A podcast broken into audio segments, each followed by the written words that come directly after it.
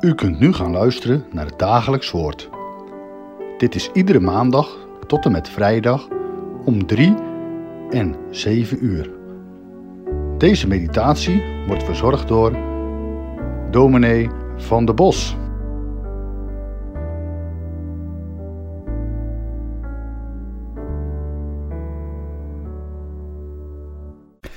Ik lees met u twee versen uit de brief van Paulus aan de gemeente in Efeze, hoofdstuk 2, de versen 17 en 18. Schrijft de apostel: Vrede kwam hij, dat is Jezus, verkondigen aan u die ver weg was, en vrede aan hen die dichtbij waren. Dankzij hem hebben wij alle door één geest toegang tot de Vader. Vrede aan u die ver af was en aan hen die dichtbij waren. Paulus schrijft hier over twee groepen mensen: de heidenen, die ver bij God vandaan hebben geleefd, en de Joden. De Joden die dichtbij waren, die God kenden, met wie de Heer al eeuwenlang een heel bijzondere weg was gegaan. Een weg die al was begonnen toen de Heer Abraham riep uit Ur van de Galdeeën. Een weg die langs Egypte liep, waar het volk zwaar onderdrukt was. Een weg die ook langs de Sinaï liep, waar de Heer het verbond met zijn volk had gesloten. En waar hij zich op die bijzondere manier aan hen had geopenbaard. Een weg die het volk naar Canaan had gebracht. Een weg langs koning Saul, koning David en zoveel koningen meer. Een weg met hoogtepunten en dieptepunten. Een weg waarop het volk de Heer diende en waarop het meende het zelf veel beter te weten dan de Heer. Een weg langs ballingschap en terugkeer naar Jeruzalem. Een weg die had geleid tot de geboorte van Jezus Christus. Zij die dichtbij waren, de Joden. En die veraf waren, de heidenen. Met hen was God nog niet zo'n bijzondere weg gegaan. Ja, ook zij waren zijn schepselen. De weg met hen was anders geweest. Lange tijd hadden ze ver van God vandaan geleefd. Hun eigen godsdiensten, hun eigen tempels, hun eigen rituelen, hun eigen wetten. Ze hadden vreselijk hun best gedaan om de goden te geven waarom ze vroegen, zodat die goden niet kwaad op hen zouden worden. Ze hadden offers gebracht, rituelen uitgevoerd. Maar hoe ze ook hun best hadden gedaan, het was niet de weg met de Here. Ze waren ver af. Ze leefden in duisternis. En aan beiden, zegt Paulus, kwam Jezus vrede verkondigen bij zijn komst naar de aarde. Aan beiden.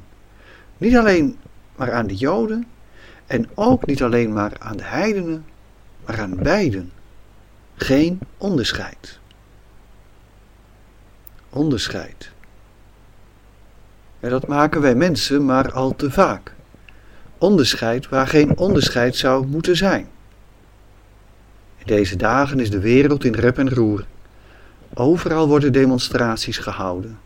Het politiegeweld tegen mensen met een donkere huidskleur in de Verenigde Staten vormde de aanleiding voor wereldwijde protesten.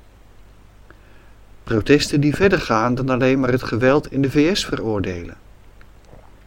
Protesten die het onderscheid op grond van huidskleur veroordelen en de wereld oproepen om elkaar als mensen te zien. Welke huidskleur je ook hebt. En op een menselijke manier met elkaar om te gaan.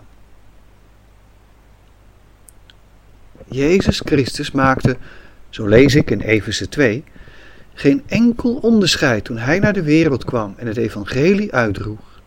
Wie je ook bent, welke huidskleur, waar je woont, tot welke sociale klasse je ook hoort, of je een brave broeder of zuster bent of juist een deugniet, aan allen kwam Jezus Christus door het evangelie vrede verkondigen. En dus, zo mogen we nu zeggen, komt Jezus ook mij vrede verkondigen. Mij. En zegt hij mij dat ik in vrede mag leven. In shalom. in vrede leven. Leeft u, leef jij in vrede? Wat moet je je voorstellen bij de vrede waar Paulus het hier over heeft? Weet je, Paulus lijkt in deze Bijbelverse woorden van de profeet Jezaja te gebruiken. Jezaja schrijft op gezag van God: Ik heb gezien wat ze, en dan heeft Jezaja het hier in de eerste plaats over het volk Israël. Ik heb gezien wat ze deden, maar toch zal ik hen genezen, hen leiden en hen barmhartigheid bewijzen. Treurenden bied ik troostrijke woorden, vrede, vrede voor iedereen, ver weg en dichtbij, zegt de Heer. Ik zal genezing brengen. Als Jezaja hier spreekt over vrede, en als Paulus juist deze woorden overneemt, dan hoor ik in vrede iets van barmhartigheid.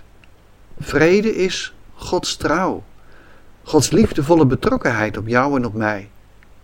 Hij heeft gezien wat het volk Israël in de tijd van Jezaja gedaan had. Ja, hij had gezien wat het volk Israël en de heidenen in de tijd van Paulus deden. En hij ziet ook wat Joden en wat wij vandaag de dag doen. En ondanks dat spreekt God over barmhartigheid, over liefdevolle trouw, liefdevolle trouw, vergeving, die Jezus Christus jou en mij voorhoudt en aanbiedt. De vrede die Jezus Christus verkondigde bij zijn komst naar de aarde, gaat echter verder en kijkt naar de verre toekomst. Ik zal genezen. Ik zal treurenden troostrijke woorden bieden. Genezen. Ziekten zullen zijn uitgebannen. Geen griep, geen tumoren, geen corona meer. En de treurenden, de mensen met verdriet, intens verdriet, omdat misschien wel een geliefde is gestorven. Of omdat ze misschien gediscrimineerd worden, omdat ze een andere huidskleur hebben.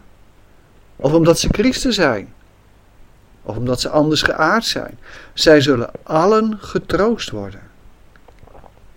Ja, soms ervaar ik die vrede. Heerlijk om die vrede te ontvangen uit de hand van de Hemelse Vader.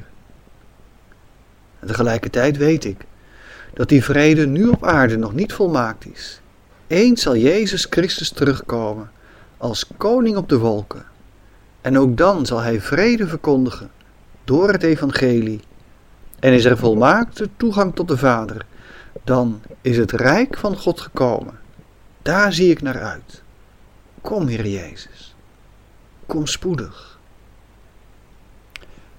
Laten wij samen nog bidden. Trouwe God, liefdevolle Vader in de hemel. Wij danken u voor de woorden die Paulus schreef. Wij danken u voor uw Zoon Jezus Christus die naar de aarde kwam om vrede te verkondigen. Om vrede te brengen aan Joden en aan niet-Joden. En dank, o God, dat het aanbod van vrede nog steeds geldig is. Voor Joden en niet-Joden. Ook voor ons. Dank u wel dat uw Zoon Jezus Christus daarvoor naar de aarde kwam, zijn leven gaf uit liefde.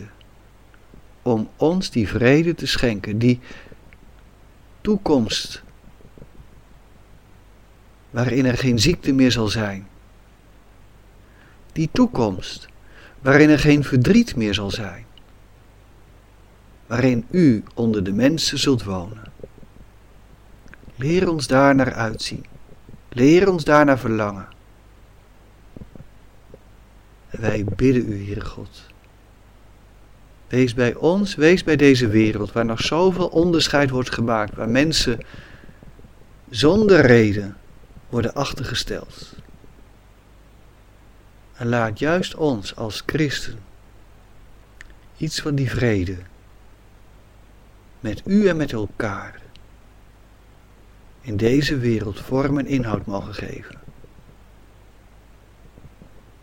Wij bidden u, Heer Jezus. Kom spoedig. Laat uw rijk komen. Hoor ons gebed. In Jezus' naam. Amen.